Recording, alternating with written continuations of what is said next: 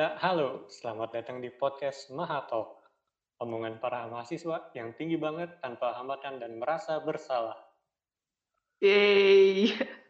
Jadi kan kan ini episode pertama. Kenalan dulu dong. Ya, mulai dari aku ya.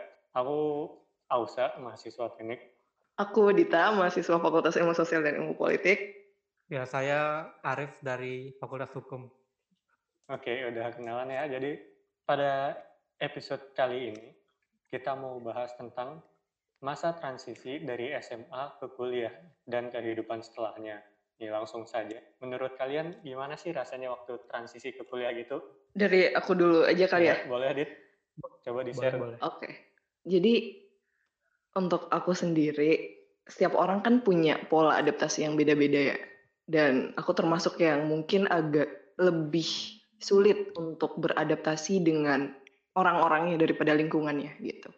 Jadi untuk bonding sama orang-orang yang ada di situ gitu, maksudnya di fakultas dan universitas agak membutuhkan waktu yang lumayan lama dan ada halangan dan rintangan sih ya setiap karena termasuk rantau jadi pas nyampe sana itu homesick terus ya culture shocknya juga ada jadi ya kayak gitulah dibumbui dengan tangisan dan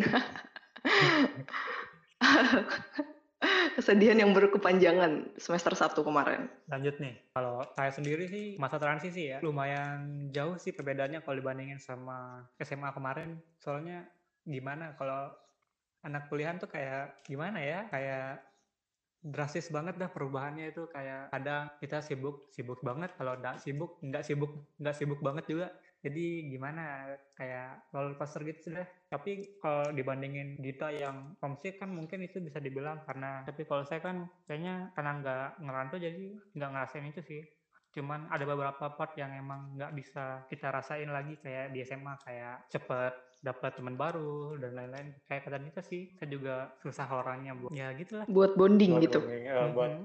buat kenalan sama yang baru. Iya, say hi to strangers. Ya. Asik. Asik. tapi tapi kalau di anu maksudnya kalau cuma kenalan aja sih gampang gitu cuman buat deket kayak anak SMA gitu lagi susah sih Oh, Bener sih. Iya. kayak kita cuma Hmm. nyari orang buat ya cuma karena ada kepentingan aja jadi kita nggak bener ada niatan buat deket lebih gitu jadi kayak cuma nyarinya pas butuh doang gitu Karena emang seiring dengan berjalannya waktu, kita sadar gitu, teman ya emang harus benar-benar ini sih, harus benar-benar ngerti. Jadi kita nggak bisa sembarangan deket sama orang, terus pas kenalan langsung jadi temen itu nggak bisa sih. Iya, bener juga sih. Terus gimana nih? Keseharian sekarang mungkin atau apa sih yang dilakuin setelah masuk perkuliahan universe? Boleh dari siapa nih? Dari siapa deh, Sabep? Dari Ausa Dari- mungkin?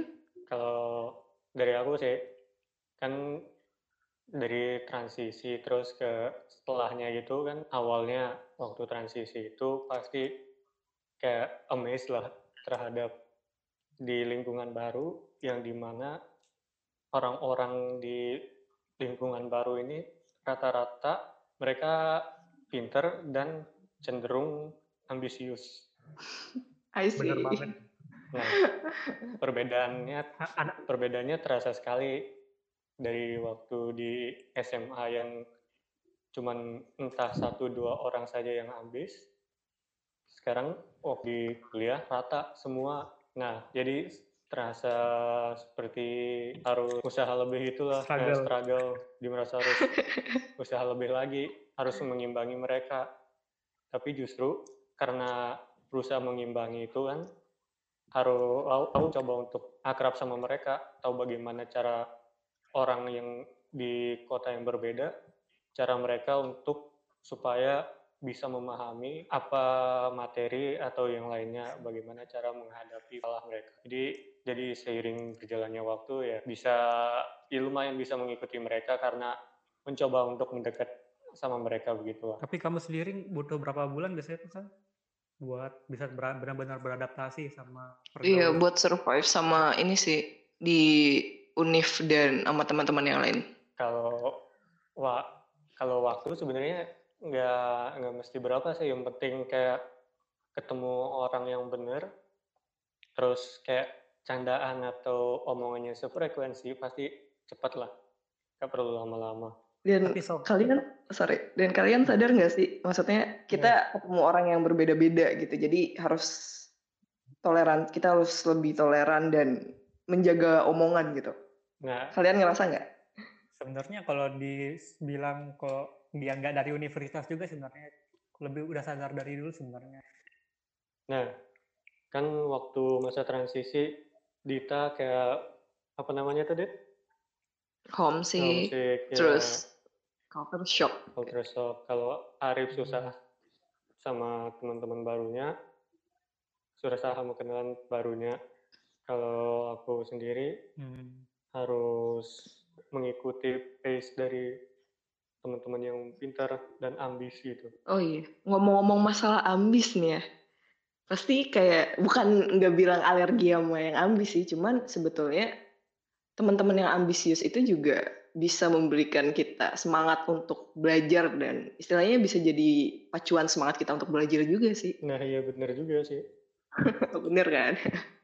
Kalau kalau porsinya cukup, kalau Kalau porsinya, porsinya ya. cukup. Tapi kalau kebanyakan juga kayaknya Temen-temen Agak yang gimana dah? ambis itu justru bikin lebih terpacu gitu kan.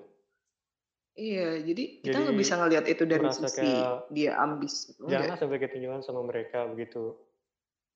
Hmm, bener bener bener. tapi Se- hmm? even mungkin kalau teman kita nggak ambis gitu, kayaknya kita juga sendiri bakal terpacu soalnya buat di kuliah ini ya secara nggak sadar ya.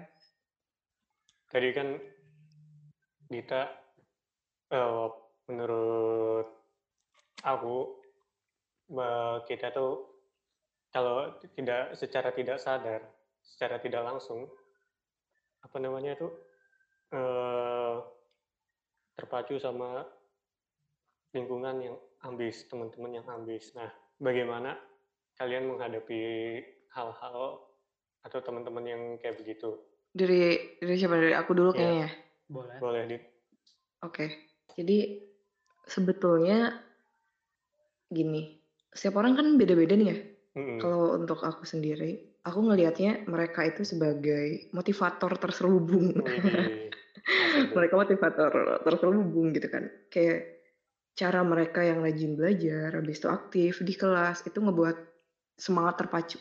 Wah, mereka bisa gitu kan.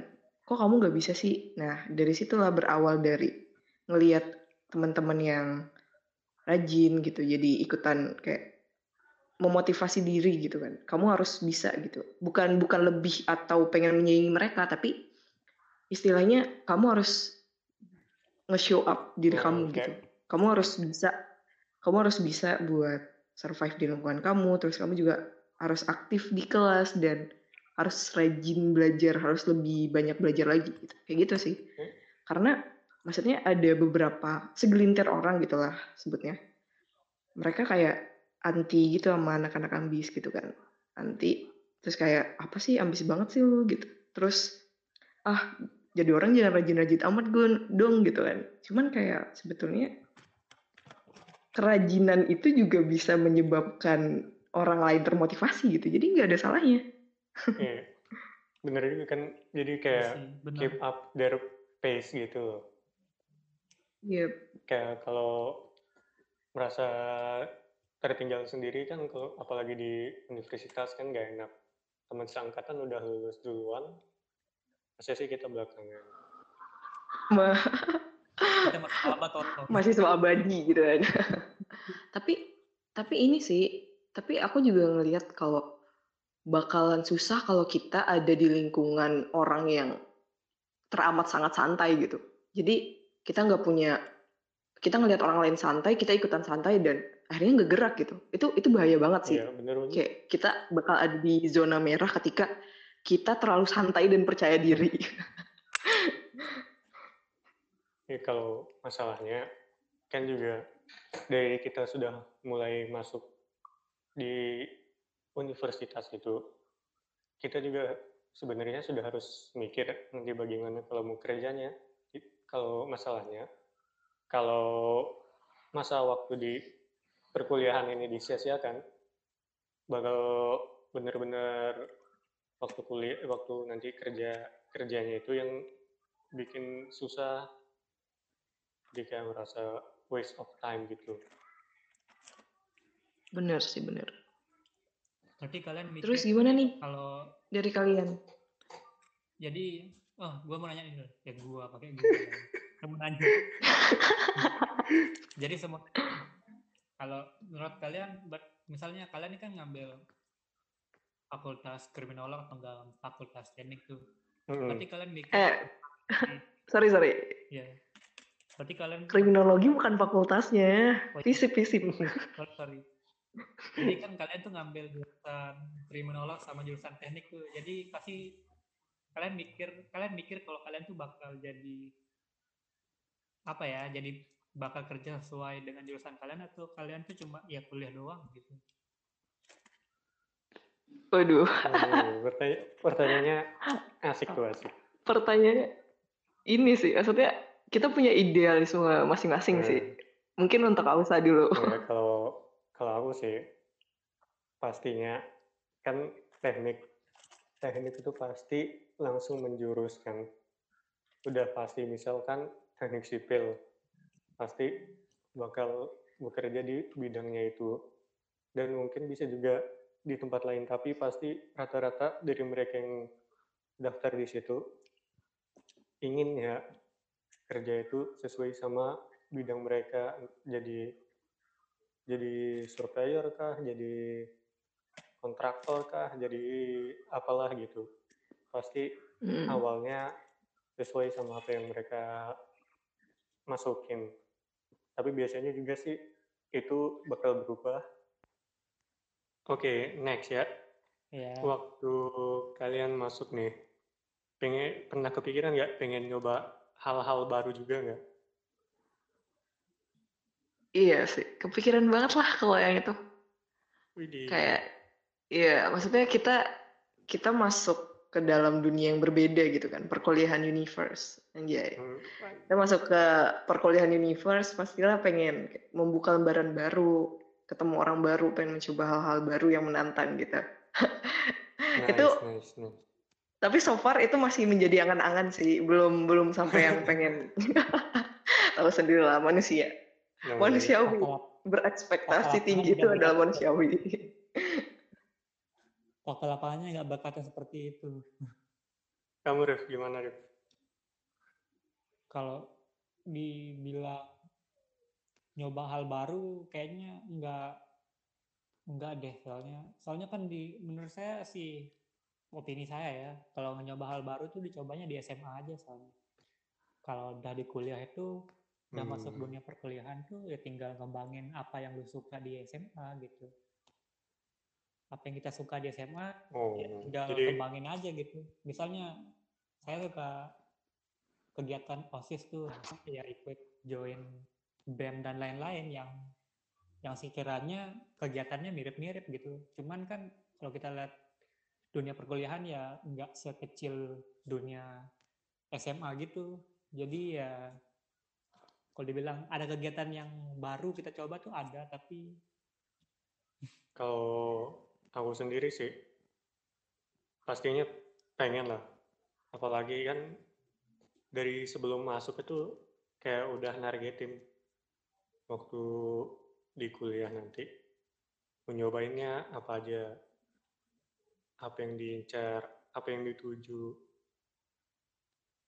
Kayak misal bisa juga kayak misal kepanitiaan lah, atau masuk tim futsal atau tim robotik gitu. Guys, Wih di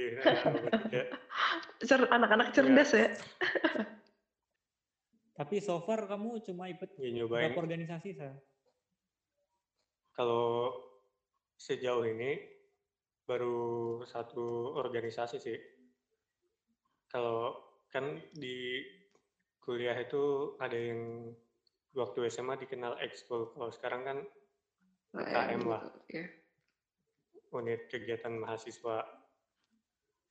Ya kalau UKM ada satu.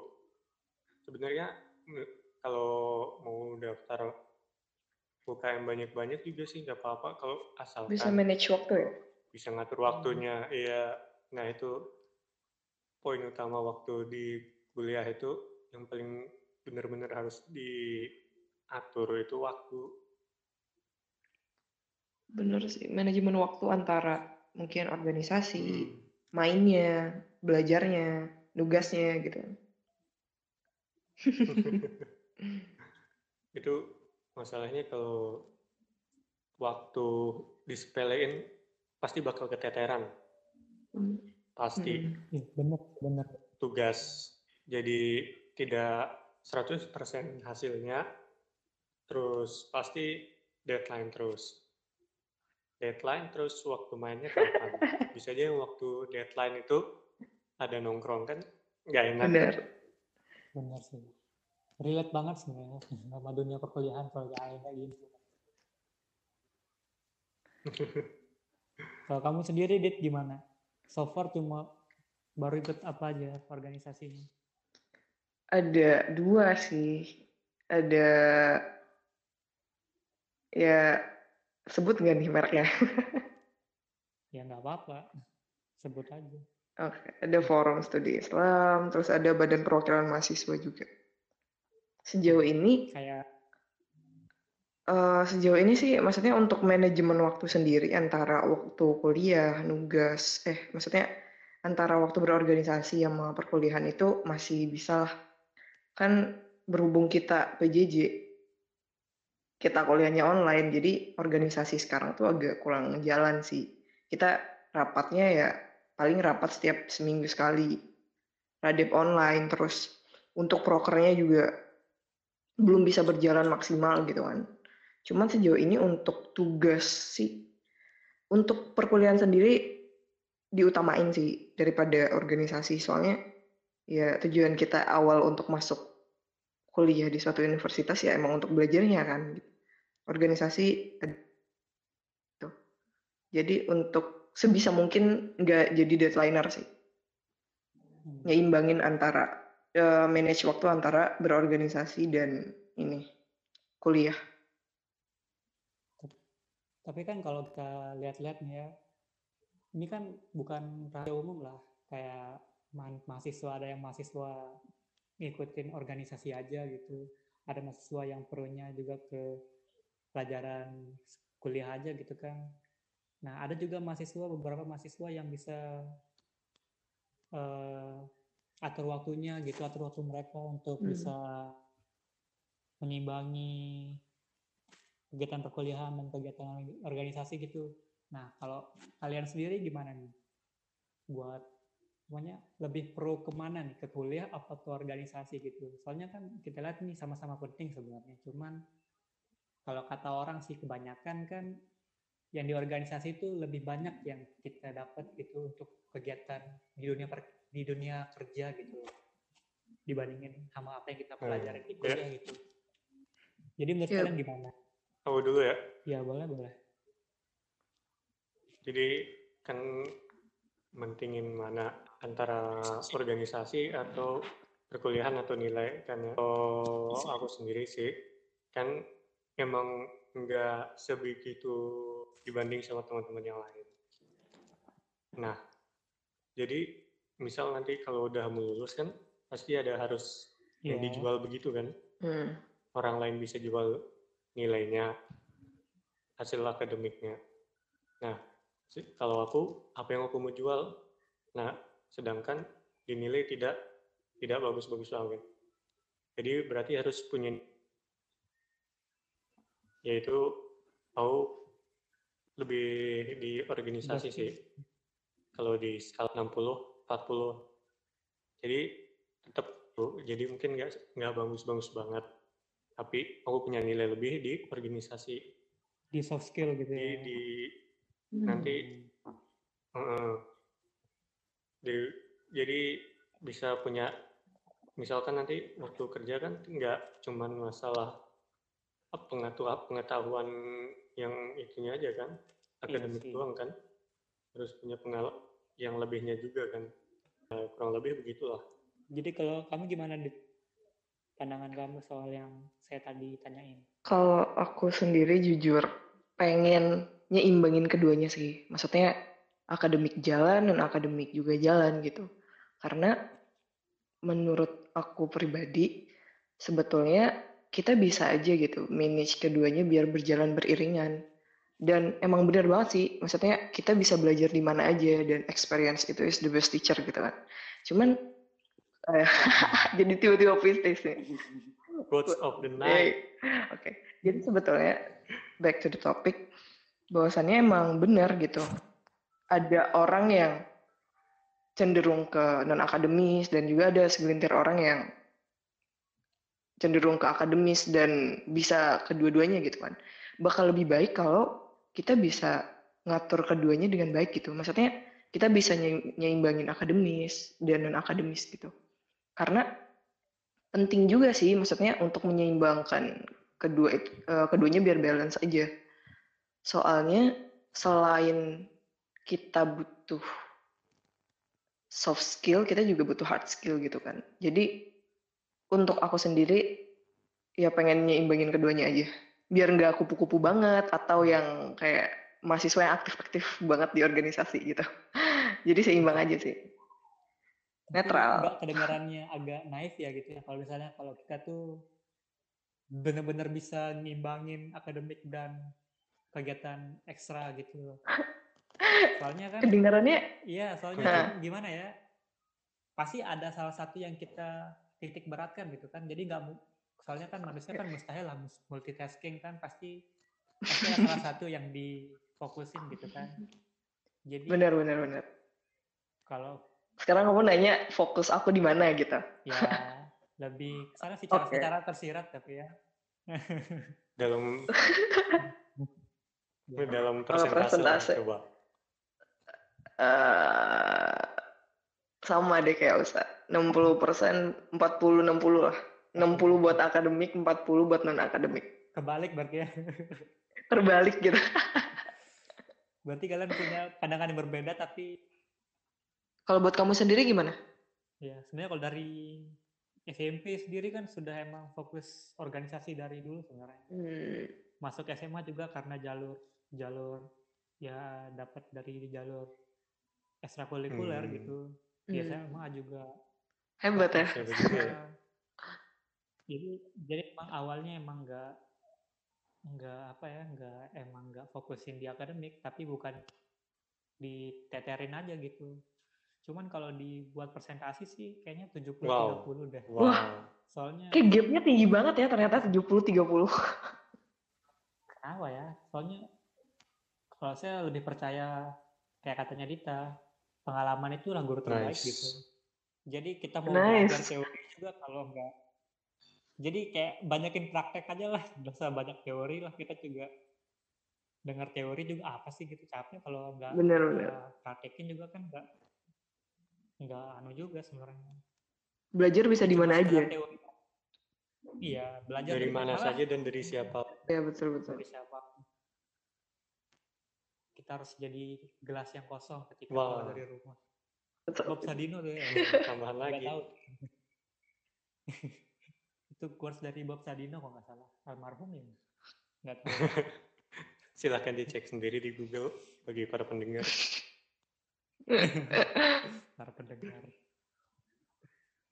Ya, terus kan setelah waktu nih ada masalah finansial juga. Nah, apalagi yang bagi perantau pasti itu hal yang paling berat lah setelah waktu. Masalah finansial nih salah satu masalah yang krusial bagi mahasiswa kan. Apalagi yang paling Betul. perantau. Mm-mm. Bagi kalian, apa sih masalahnya itu? Apakah kurang eh, terlalu boros atau yang lain?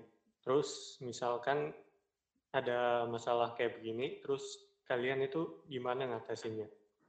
Baik. Jadi buat aku sendiri sebetulnya ini ya, ini yang perlu di highlight adalah sebetulnya biaya hidup itu murah. Gaya hidup yang membuatnya menjadi mahal. Benar sekali, benar. Jadi yang ngebuat boros itu adalah contoh nih aku tiap malam delivery makanan waduh waduh gak kuat gak kuat gak kuat itu itu itu hampir tiap malam dan kayak tiap hari gitu. Jadi uangnya habis buat delivery gitu. Padahal di di dekat di dekat kosan ada warteg gitu kan. Maksudnya mungkin sehari bisa 15.000 ribu gitu kalau kita belanjanya di warteg. Atau maksudnya kayak 15.000 ribu kali dua lah gitu atau kali tiga buat yang makan tiga kali sehari gitu. Tapi karena karena nafsu yang sangat tinggi ketika melihat makanan diskonan dan juga makanan yang enak di aplikasi Tit gitu kan. Jadi kayak ya delivery tiap hari dan itu yang ngebuat boros sih sejauh ini itu sama belanja online. Itu parah banget belanja online parah banget. nggak ngerti nggak ngerti lagi. Belanja online ini emang gak bisa ditahan sih buat hedonis seperti saya. Itu saya yang buat. Ya dan untuk mengatasi itu sendiri biasanya gini saya punya cara kayak sekarang saya ngabisin uang nih berapa? Tapi sebetulnya uh, uang yang aku keluarin itu udah dihitung gitu loh. Maksudnya kayak ini se seminggu ini segini gitu. Jadi nggak yang tiba-tiba nanti setelah belanja banyak terus jadi keteteran nggak bisa belanja lagi nggak gitu. Udah udah di manage. Uangnya udah di manage gitu jadi buat kalau belanja banyak hari ini besoknya dikurangin gitu. Jadi intensitasnya nggak nah. tinggi-tinggi banget. Nah itu perlu dicatat tuh. Ya. cara memanagenya bagus sih tapi nama juga manusia kadang hilaf kan. Iya benar aduh maafkan aku. Jangan ditiru sobat jangan keseringan delivery abis itu beli belanja online. Hikmahnya hikmah dari hikmah saya ini berarti uninstall aplikasi tit. Eh, jangan dong. Eh jangan dong. kan bisa belanja di warteg murah murah. Ya benar benar. Kita, kita jayakan warteg dan pedagang kaki lima. Tapi kalau kalau dilihat dari anu mudik kayaknya agak mahal ya di sana ya dibandingin di sini di tempat kita lahir gitu nggak mahal-mahal banget dibandingin sana. Di sana dulu soalnya tahun lalu kan tahun lalu sempat ke sana gitu. Ya beli warteg sepuluh ribu eh enggak lima belas ribu cuma dapat telur doang. Kalau di sini kan ya nggak tahu lah. lima belas ribu udah dapat ayam udah dapat ya. kayak porsi kuli gitu lah ya. Sebenarnya makanan mewah di sini. Tapi sebenarnya mungkin kamu datangnya ke warteg yang lumayan mahal sih. Soalnya beda-beda juga. Maksudnya masih ada kok yang sepuluh ribu bisa dapat dua lauk gitu. Nggak se ekstrim yang kamu bayangin. Emang emang ini sih maksudnya kayak ya udah pas gitu porsinya ya sesuai harga gitu. Cuman kalau dibilang mahal, biaya hidupnya yang enggak juga sih. Maksudnya biaya hidup murah, tapi balik lagi gaya hidup yang membuat itu menjadi mahal. Asik. tapi kayaknya di sana emang agak mahal ya. Soalnya dilihat dari UMK-nya juga tinggi sih. Soalnya di sana kan daerah perkotaan. Okay. Gitu. Di sini kan ya normal nasi lima ribu sepuluh ribu dapat lah gitu kan. Kalau di sana ya sepuluh ribu dapat apa sih gitu mikirnya kan kayak makan makan standar aja minimal kayak dua puluh ribu lah makan standar gitu. Yang standar dua puluh ribu dapat makan minum aja sudah kayak wow ini murah banget gitu kan. Kalau di sana bener, ya. bener, bener. astaga bener banget bener banget. Kalau di sini dua puluh ribu cuma dapat makan apa ini gitu kan? Apa ini? Penghinaan ini gitu kan kalau kalau kamu sendiri gimana sih? Soalnya kan kamu yang ngerantau ya. Kalau saya kan nggak ngerantau soalnya. ya, kalau aku sendiri sih masalah finansial itu kayak bisa teratasi sih. Soalnya udah terbiasa dari SMA begitu nabung-nabung dan ngeluarin uang itu pas waktu yang penting banget. Jadi kayak waktu SMA dulu kan apa namanya punya tabungan lah Nah, tabungan itu aku pakai untuk pergi jalan-jalan. JKT. JKT. Wih, di... buat ngidol, buat ngidol. buat ngidol, iya. Aku otak. Berbeda hal pentingnya pastinya. Iya, setiap orang nah, punya prioritas gitu kan. Nah, itu waktu SMA karena udah biasa. Jadi waktu kuliah jadi bisa teratasi lah. Tapi ya cuman karena awal-awal kan waktu pertama kali nggak tahu di mana tempat makan yang murah dan enak terus sehat begitulah. Jadi waktu awal makan di warteg pakai ayam, tahu tempe, sayur, es teh, eh nyampe dua puluh ribu. Murah ya. Itu murah sih. Murah dari mana? Itu murah. ta- oh, Itu mahal. Mahal. itu emang emang biasa kamu makannya berapa sih? Itu itu murah banget loh, dua puluh ribu. Nah, Mungkin beda ya, beda. itu waktu awal dua puluh ribu di warteg yang lumayan deket dari tempat tinggal dan posisinya agak di kota agak tengah gitu lah. Iya.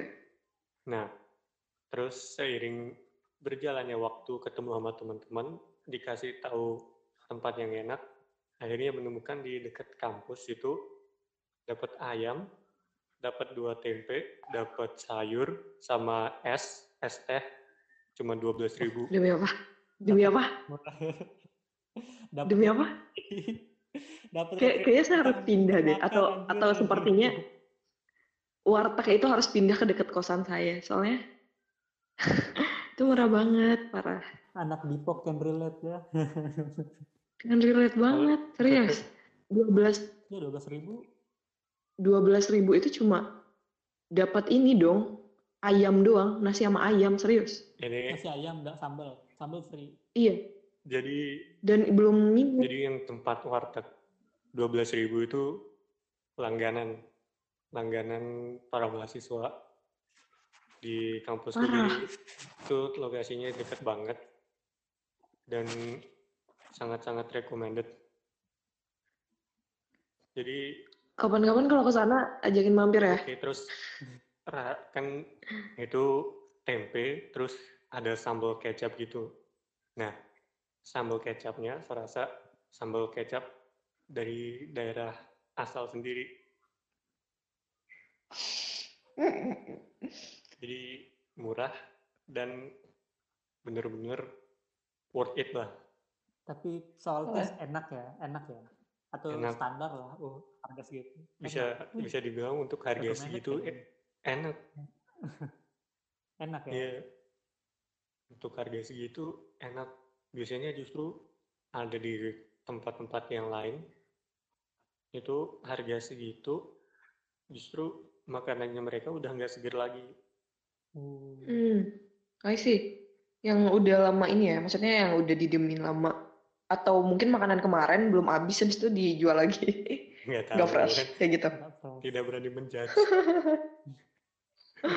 Ya udah. Takutnya sepi nanti iya iya iya Kan gue nyebut merek. Enggak, Ding. terus kayak apa namanya kan dari makan sudah teratasi jadi karena makan udah teratasi kan otomatis punya sisa uang lah ya nah Iya. jadi karena punya sisa uang itu bisa disimpan. Nah jadi ini salah satu trik yang aku pakai dan itu benar-benar bagus. Jadi punya dua rekening. Wow, nah, Sultan. nah, beda bukan- ini ya, another level ya. bukan gitu jadi tahu eh, sebut merek aja lah kalau yang satu ini soalnya benar-benar bermanfaat. Namanya Genius. Nah itu Angkat aku jadi BA-mu jenius. ya silakan kalau mau di apa namanya di endorse di ausaramadan@gmail.com oh, jadi jadi ngomong serius. jadi pakai Genius itu bener-bener gampang udah registrasinya serba online terus nggak ada nggak ada minimum uang yang harus disimpan di rekening itu rekening Genius itu nanti kan tabungan sisa berapa lah gitu nanti di waktu yang tepat bisa untuk beli baju beli celana untuk kuliah Hmm. Ngidol. oh saya sudah pensi pensi sementara. Untuk Tapi sementara itu pensi dulu. tabungan genius tuh kalau costnya per bulan kena berapa biasanya? Nah, nggak ada cost-nya itu. Jadi kalau yang ada tuh kayak tax interest. Nah, interest kemungkinan kalau semakin banyak tabungan semakin bertambah. Bisa bisa jadi interestmu itu nyampe 100 rupiah. Jadi yang diambil sama pajaknya cuman 20 rupiah sampai 30 rupiah. Sedikit Hmm, banget jamnya. nice. Jadi Itu emang ramah buat mahasiswa banget sih. Iya. Aku juga make soalnya. buat top up yang serba-serbi online kan jadi juga itu lebih gampang. Sangat recommended berarti ya. Iya, kalau bisa ya sih begitu dibikin dua rekening. Satu buat yang untuk kehidupan dan masalah perkuliahan. Yang satunya buat tabungan nanti untuk happy-happy lah. Kalau soal perkuliahan yang online ini gimana menurut kalian? Ini sih yang paling ditunggu-tunggu pertanyaan. Soalnya kan pertanyaan yang ditunggu-tunggu. Sebenarnya untuk sama aku sendiri ya, untuk PJJ ini atau perkuliahan jarak jauh ini, itu ada enak nggak enaknya sih. Eh, yang pertama, enaknya itu adalah kita bisa lebih santai. Maksudnya kita punya banyak waktu untuk nugas dan juga kita bisa kumpul sama keluarga gitu kan. Cuman nggak enaknya adalah ketika beberapa dosen itu memberikan tugas yang Tidak manusiawi. setumpuk banyak dengan deadline yang dikit gitu. Tidak manusiawi. Jadi nggak manusiawi banget dan biasanya juga kita agak kurang terstruktur sih. Buat aku sendiri, aku nggak, aku kurang terstruktur aja se- semenjak PJJ ini karena biasanya kan aku udah buat kayak daftar prioritas gitu kan. Terus aku belajar jam segini, aku kerjain tugas jam segini. Nah sekarang itu kayak buy- buyar gitu loh karena karena terlalu nyaman dengan keadaan. Jadi lebih ngaret aja ngerjain tugasnya. Nggak deadlineer sih jatuhnya, cuman nggak sesuai waktu yang udah aku tepatin kayak gitu. Iya sih. Sang- Sangat relate ke Make, semua. make sense sih, make sense. Iya. Sangat, sangat relate. Kalau kamu gitu sendiri gimana sih? Soal kuliah online Iya, persis sama kayak Dita masalahnya. Apalagi masalah nangkep materinya. Beda banget soalnya waktu kuliah langsung tatap muka langsung, sama yang waktu di secara daring begini. Secara secara eh, secara tatap muka langsung kedengaran dari penjelasan dosen itu lebih jelas begitu dari daripada di daring kan belum masalah koneksi, belum masalah speaker dari device yang kita pakai kan Hmm, macam-macam banget itu. Terus kayak ada yang kurang gimana gitu rasanya pakai begini. Soalnya jadi kayak menyepelekan gitu loh. Lebih nggak serius gitu. Bener sih. Berasa ini nggak kalian mendadak bego? atau atau malah sebaliknya? bener-bener. Atau malah sebaliknya? emang bego. Kalian yang awalnya nggak aktif di kelas karena kita sistemnya daring, terus tiba-tiba jadi anak yang paling ambis gitu kan? Ah, Nanya Tidak. pas presentasi, pasti gitu nggak? Tidak. Tentunya tidak. enggak ada. Ah. Cuman kalau dilihat hikmahnya sih kita tuh bisa belajar apa yang kita mau sih sebenarnya kalau kita kuliah online ini. Tapi cuman nggak enaknya nanti pas mau di akhir semester sebenarnya kita harus ngejar materi banyak banget soalnya. Benar. Ya Nah, mungkin iya, ya bener juga sekarang sih, kan tapi ya sekarang kan ada kita juga manfaatnya. Ad- Ada Hmm. juga keunggulannya sebenarnya itu waktu ujian. hujannya. I know what you mean man. Iya, I know what you mean. Kalau nggak dikasih tugas kan Karena kita merasakan itu semua gitu. Jawabannya tiba-tiba Kalau- pinter ya pas UTS tiba-tiba pinter gitu. Tiba-tiba nilainya bagus. tiba-tiba pinter, tiba-tiba jadi Einstein gitu. Hei, jangan buka kartu dong. Gak apa-apa kan kita bebas sih mau ngomong apa aja. dibanding waktu secara langsung nilai-nilai itu menaik drastis. salah satu batu loncatan kita untuk mendapatkan beasiswa di semester 3 kayaknya. Nilai-nilai. Aduh, kan kalian gitu ya. Kalau aku kebalikannya malah aku ngerasa IP bakal turun drastis semester ini. Nah, itu banyak spare time-nya itu. Kayak misalkan aku kan banyak spare time itu jadi manfaatin, manfaatin main gitar gitu, belajar gitar, belajar Wah. musik yang lainnya. Hmm. ya tidak ada hubungannya dengan teknik. Tidak ada, enggak enggak apa-apa. Kan nggak harus linear. Tapi kalau kalian nih ngomongin soal kuliah online nih lebih prefer ke tatap muka atau cuma dikasih tugas aja? Dua-duanya sih. Kalau tatap muka sama Dua-duanya. tugas tuh kayak berkesinambungan gitu loh. Dia bisa di nah, Ada plus minusnya juga. karena ini semuanya kurang kondusif, jadi mau nggak mau tugas itu yang menambah pengetahuan kita. Karena kan dari tugas itu kita mau searching, mau nyari tahu lebih jauh lagi, lebih banyak lagi. Make sense sih. Cuman ada beberapa dosen ya kalau dari di kampus saya tuh ada beberapa dosen yang emang nggak niat kuliah online gitu. Dia cuma ngasih tuh. Tapi itu menjadi berkat untuk mahasiswa kan? Maksud kamu? Eh, enggak sih, maksudnya dikasih tugas ya nggak apa-apa gitu. Tapi kalau kebanyakan juga kan kita kan butuh istirahat gitu ngapain? Ah, gitu, iya iya, ngerjain- benar benar benar. Iya benar-benar. Kalau cuma nger- kalau cuma ngerjain tugas satu dikasih deadline ya ya nggak apa-apa lah deadline nggak nggak apa nggak lama sehari tapi tugasnya juga nggak ribet juga gitu nggak Nah. sampai nggak sampai bikin pusing lah gitu. Nah, ya itu seharusnya para apa tendik lah. Hmm. paham. Kan kita dalam situasi yang tidak kondusif harusnya mereka paham lah ya. Supaya jangan jangan memberi tugas yang tidak berkemanusiaan begitu. Manusiawi. Ya, Mere- tidak mereka menolak. manusiawi begitu sepertinya mereka menolak paham Enggak, enggak, enggak, enggak gitu juga sih. Mungkin untuk beberapa dosen, karena karena begini, aku paham banget kalau mereka juga nggak bermaksud untuk memforsir kita gitu. Mungkin untuk ini ini karena tapi beda-beda lagi sih, beda dosen, beda ini lagi.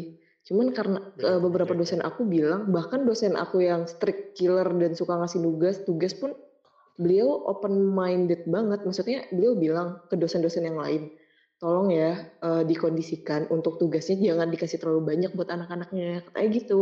Padahal beliau pas eh, tatap muka itu kayak review itu tiap hari. Eh bukan tiap hari sih tiap minggu gitu kan. Selalu ada review tiap minggu.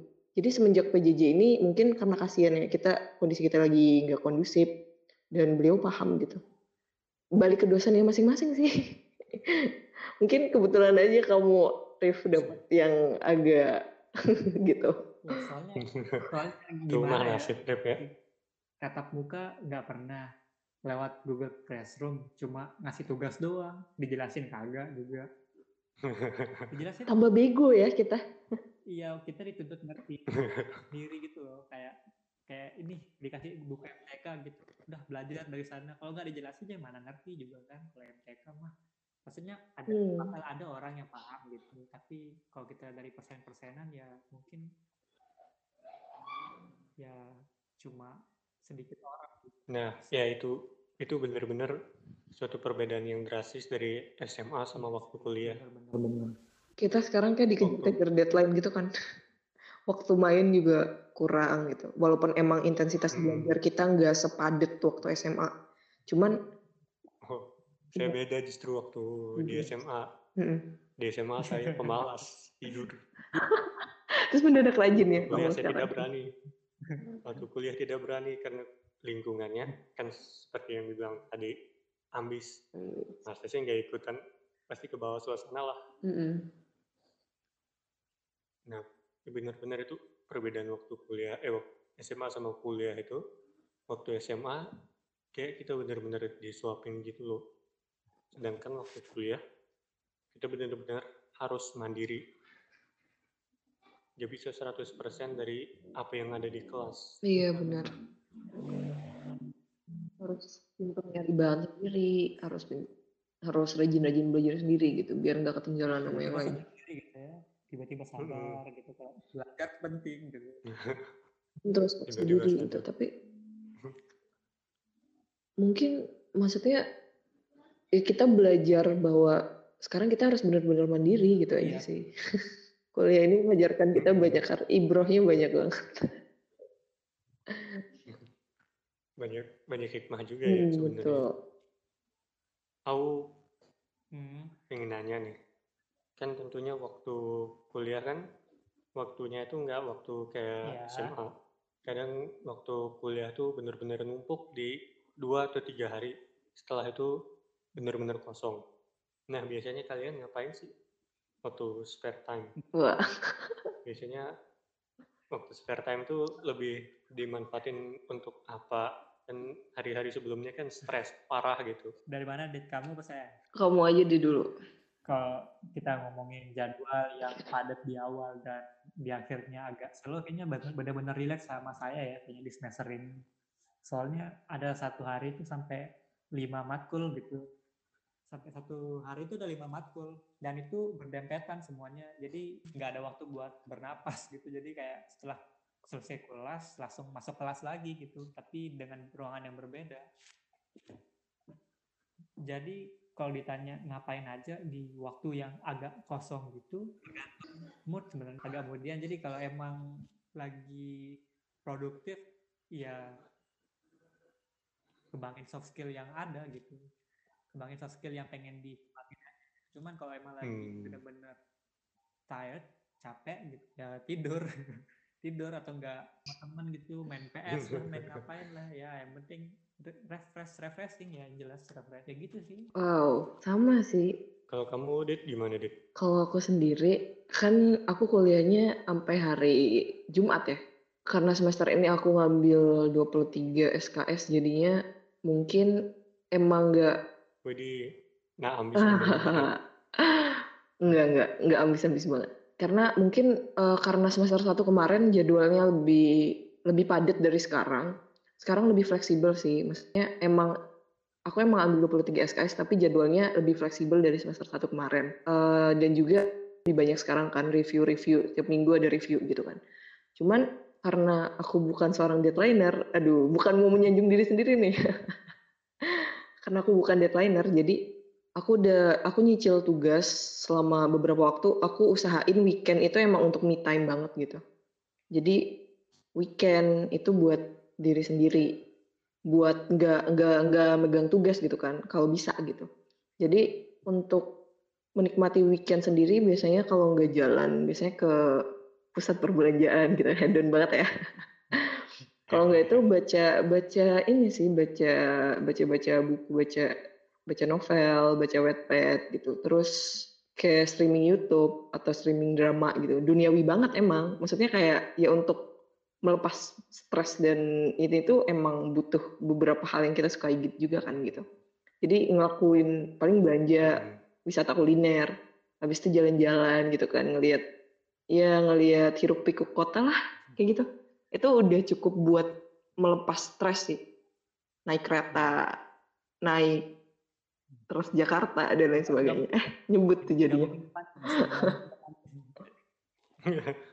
Terus nggak ngebucin, Dit? Ngebucin apa?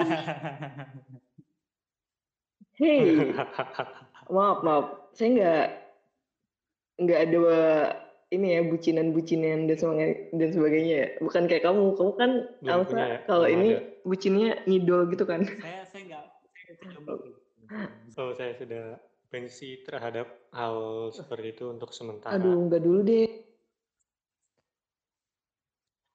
Oke, next. Pernah nggak kalian kepikiran atau ngerasa ingin ngulang atau ganti studi gitu? Kan banyak nih mahasiswa-mahasiswa setelah masuk mereka kayak kepikiran bukan di sini loh yang saya pinginin, ternyata saya pingin yang di sini. Pernah nggak kalian kayak begitu? Waduh, ini pertanyaan yang benar-benar harus dijawab sih, Mas.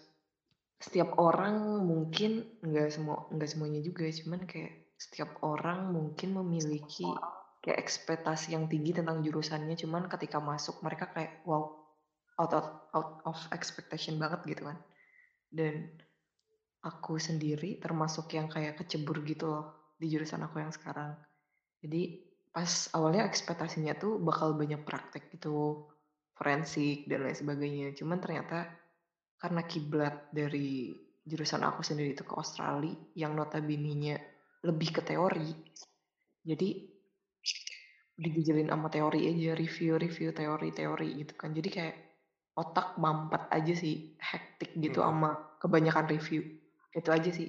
Sampai pernah kayak mikir, ah pengen masuk psiko aja gitu kan. Selama ini kan pengen banget gitu masuk psiko. Cuman karena orang tua nggak ngizinin jadi ya harus menerima keadaan yang sekarang gitu. Cuman kayak untuk niat untuk ikut SBM lagi atau ikut tes mandiri lagi tuh kayak ada rasa males aja sih. Maksudnya kayak udah udah terlanjur kecebur dan juga udahlah jalanin aja gitu. Yang sekarang ya yang sekarang gitu. Entah emang kalau emang berat pun jalanin aja gitu. Agak naif sih ya kedengarannya cuman Iya. nggak ini sih maksudnya kayak untuk pindah jurusan lagi saya mohon maaf takut dicoret dari satu keluarga.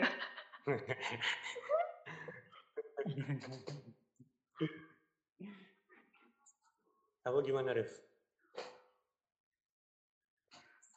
Kalau pandangan saya sih untuk pilih jurusan yang lain atau ngerasa nggak cocok di jurusan yang sekarang itu kayaknya enggak sih, tapi lebih mikir ke mungkin saya mendingan masuk sini aja gitu. Tapi bukan berarti saya nggak suka di jurusan yang sekarang gitu. Tapi lebih mungkin kayak harusnya mungkin saya kayaknya di sini lebih cocok gitu.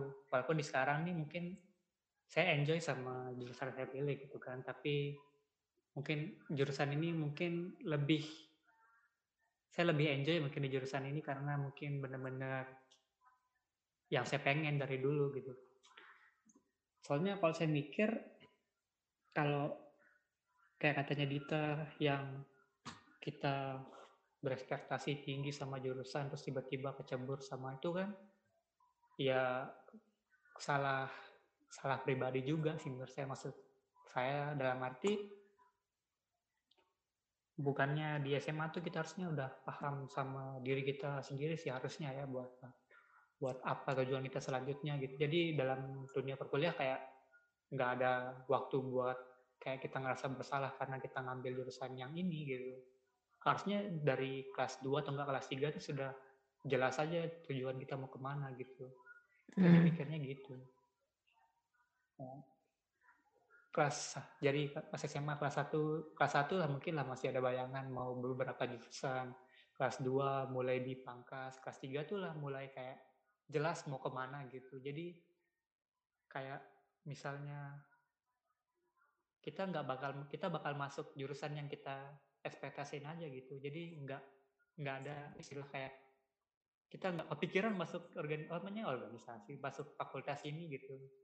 Oh, gitu jadi menurut kalian berdua sebaiknya untuk jangan pindah jurusan begitu ya. Karena itu kan memang udah pilihan dari awal kan, pilihan waktu dari SMA. Berarti emang harus siap menghadapinya dan emang waktu SMA itu harus memang udah tepat begitu. Ini pilihan yang tepat. Hmm. Ya sebenarnya gini ya, kita kita nggak bisa ngeliat ini dari satu sisi aja sih sebenarnya. Karena karena gini, maksudnya nggak semua orang, nggak semua anak itu ngambil jurusan pas kuliah itu sesuai dengan apa yang mereka inginkan gitu. Eh, kalian tahu lah ada determ, determinan sosial. Maksudnya kayak bukan determinan. Maksudnya kayak gimana ya? Ada dorongan eksternal gitu. Mungkin jurusan yang mereka ambil sekarang adalah keinginan orang tua mereka. Gitu kan, gitu. Maksudnya kayak kita nggak bisa ngeliat ini dari satu sisi. Kalian kalau udah kecebur di jurusan A, terus kalau mau pindah jurusan lebih baik nggak usah. Gak, nggak gitu juga gitu. Soalnya kita kita juga harus mikirin kalau percuma aja kalau kita masuk nih masuk suatu jurusan tapi kita nggak bisa survive dan juga kita nggak bisa nangkep ilmunya di situ gitu jadi itu kayak bukan nggak ngomong percuma sih cuman kayak ada beberapa orang yang mungkin nganggap itu sebagai beban aja masuk jurusan A ini beban banget gitu kan. Jadi lebih baik nyari yang lain gitu yang sesuai passion atau mungkin yang emang sesuai sama yang kita inginkan gitu. Karena gimana ya? Maksudnya kadang sesuatu yang baik buat kita itu belum tentu kita sukai gitu. Dan sesuatu yang buruk buat kita belum tentu kayak gimana ya ngejelasinnya? Agak belibet sih, cuman setiap setiap orang nih punya persepsi yang beda-beda gitu, punya pandangan yang berbeda tentang mau pindah jurusan atau enggak gitu kan. Ada orang yang kayak ya udahlah udah kecebur sekarang udah terlanjur lanjutin gitu. Tapi ada beberapa orang juga yang mungkin di sini emang bukan jalannya gitu kan mau pindah ya udah terserah gitu fleksibel aja kalau mau pindah jurusan karena emang itu nggak sesuai sama kalian terserah gitu silahkan ikuti apa yang kalian apa yang kalian inginkan dan passion kalian gitu karena nggak maksa juga sih harus tetap stay di jurusan yang sama. Kalau kita tertekan di situ dan kita nggak bisa survive ya buat apa gitu? Kayak gitu sih. Jadi tergantung pribadi masing-masing aja. Saya mencoba untuk menanamkan idealisme saya di sini aja, enggak dong. Semua apa pun keputusan itu kan emang bener-bener balik lagi Iya. ke diri sendiri. Emang bener sih, maksudnya kayak. Gimana? kan manusia itu dikasih otak sama hati. Betul. Nah, manfaatin dua-duanya walaupun terkadang keduanya itu kontradiktif, Hmm. saling saling berbeda. Tapi justru kadang lebih ikutin kata hati sih. Kadang kalau otak terlalu diandalin, jadi malahan overthinking, over expectation begitulah. Hmm. Iya sih, that's it untuk ini buat pindah jurusan. Nah, oke nih buat kalian, mungkin pesan buat calon-calon mahasiswa baru sekarang itu apa sih? Karena berhubung kemarin baru pengumuman SNMPTN, terus bentar lagi ya kita ke eh, kita bakal kedatangan dede-dede gemes. Pesan kalian apa sih buat transisi SMA ke perkuliahan atau mungkin gimana caranya biar adik-adik kita bisa survive di lingkungan perkuliahan? Kalau saran dari saya sih kayaknya perbanyak kenalan sama kakak tingkat deh soalnya perbanyak diskusi sama kakak tingkat juga kan tentang gimana transisi masa kuliah dari SMA ke kuliah gitu kan penting juga sih sebenarnya kalau kita tanya sama kakak tingkat kan soalnya mereka lebih dulu paham gimana situasi kampus dan lain-lain gitu. Sama buat maba yang udah keterima nih yang SN nih cie keterima. Itu kalau udah jelas maksudnya kan udah berarti sudah jelas tuh jurusannya apa gitu kan. Ya belajarin aja gitu pelajaran-pelajaran dasar pelajaran-pelajaran pengantar tentang apa kul mata kuliah kalian biar besok pas masuk gitu nggak nggak kaget-kaget amat soalnya ya malum lah biasanya kalau nggak belajar gitu kan berapa bulan tiba-tiba belajar gitu kayak wah Kaget ya gitu. ya gitulah Shock otaknya shock. otaknya shock gitu Karena kebiasaan nyantui gitu tiba-tiba waktu kuliah Tiba-tiba, Hah? dari Emang yang bener sih kalau selama liburan otak kita jadi tumpul. untuk liburan Kalau dari aku sendiri sih, buat sedikit saran aja sih. Dari kan bakal ada namanya ospek tuh.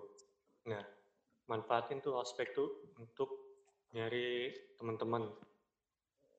Jadi karena apalagi untuk yang perantau, temen itu bener-bener sangat dibutuhkan.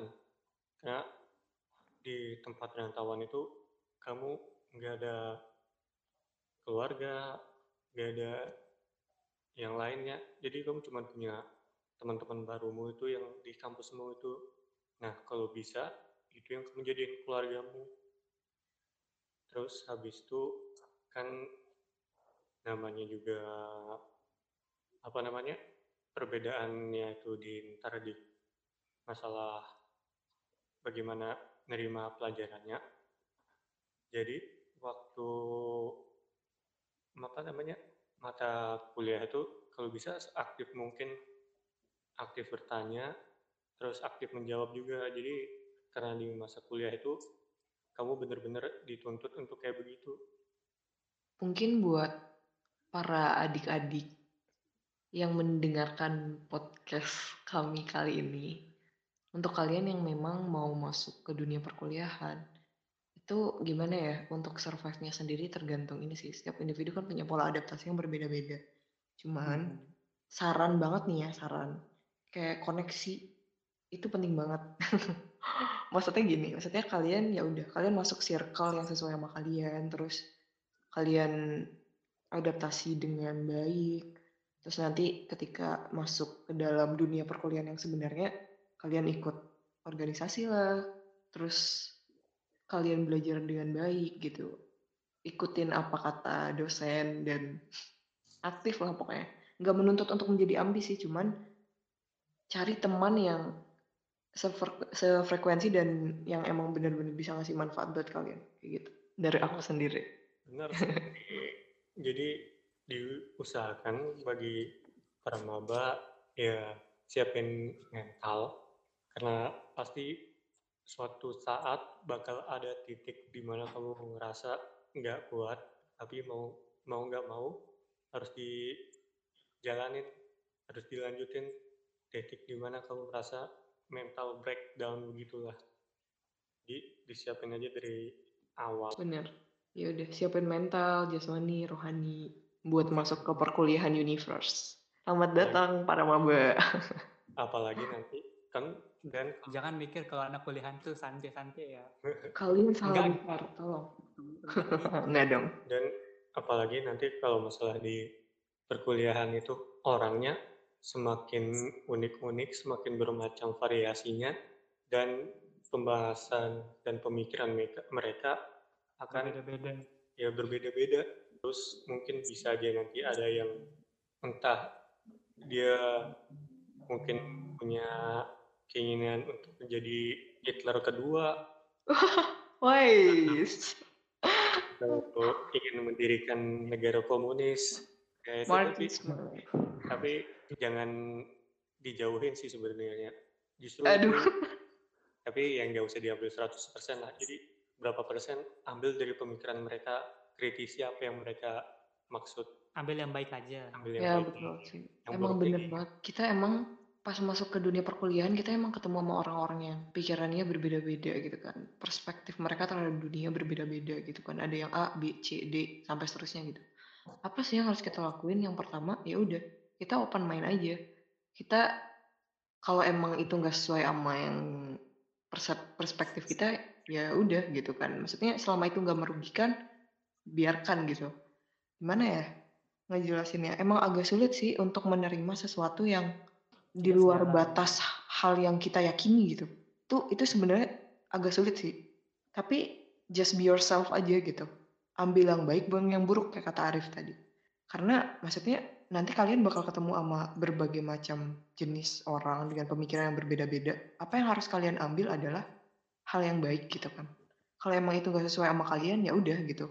Kalian kalau emang mau mengkritisi itu silahkan gitu. Tapi tahu forum lah. Ya, bener-bener.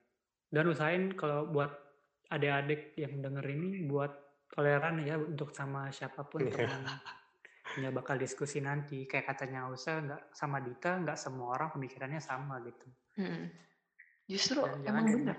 Heeh, Jangan jadi Perbedaan perbedaan- itu indah.